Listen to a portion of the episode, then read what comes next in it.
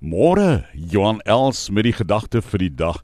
Hoorie as iemand daarom vir jou sê ek het vir jou gebid. Uh, ek weet nie vir jou nie, maar dit gee vir my 'n uh, enorme geloofswipstap as ek dit so kan sê. Ek lees daar in Lukas hoofstuk 22. Simon Simon het Jesus gesê: "Luister. Ek het vir jou gebid dat jou geloof jou nie begewe nie."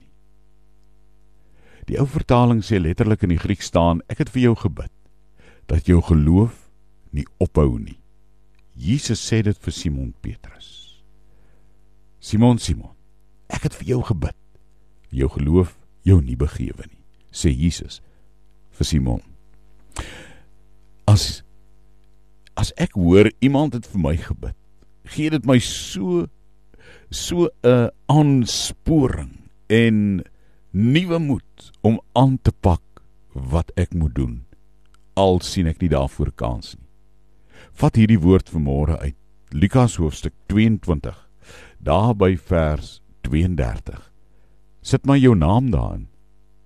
Jesus sê ek het vir jou Sannetjie ek het vir jou Gert gebid dat jou geloof jou vandag nie begewe nie.